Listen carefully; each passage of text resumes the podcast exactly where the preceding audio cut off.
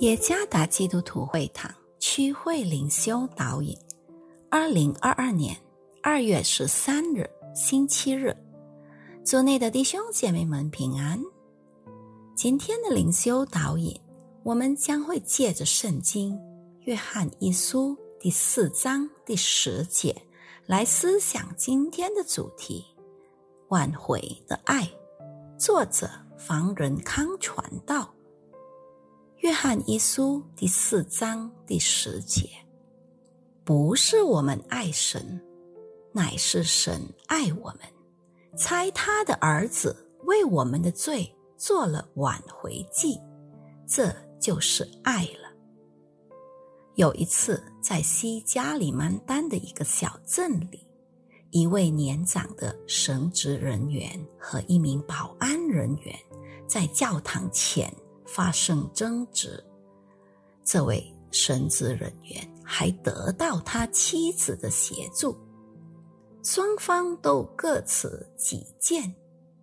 就在那时，我刚巧参观那个教会，我被感动，要以和好的方式来帮助解决这场纷争。人与上帝为敌，始于亚当和夏娃，因违背上帝的话语而堕落犯罪。人与上帝之间被永恒的死亡深渊隔开，人全然无能为力，借着自己的能力来到上帝面前寻求拯救。因此，上帝主动来到伊甸园寻找并呼唤。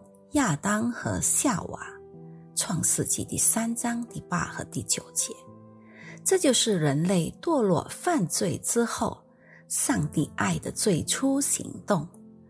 上帝在伊甸园所行的一切，经过漫长的岁月，数千年，延续在耶稣基督里应验了。希伯来书第一章第一和第二节。使徒约翰写这本书的目的是要揭示上帝的属性和本性，即爱。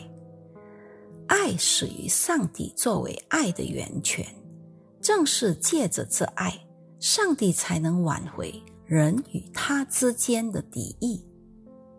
耶稣基督是我们最挽回祭的牺牲品，透过他自己担负上帝的愤怒。来恢复的宗保。我们在社会里的每天生活中，难免会遇到许多冲突、仇恨，甚至敌意。就如以上灵修开始的神职人员与保安人员的故事，也不例外，需要有中间人来调解纠纷。问题虽然看起来只是微不足道的芝麻小事而已，但如果不及时解决，矛盾就会旷日持久，也会演变成更大的矛盾。故此，保罗提醒我们：生气却不要犯罪，不可含怒到日落。以弗所书第四章二十六节。我们越早彼此和平相处，我们就越早康复。我们需要圣灵来帮助我们，永远活在和平中，并成为像基督一样带来和平。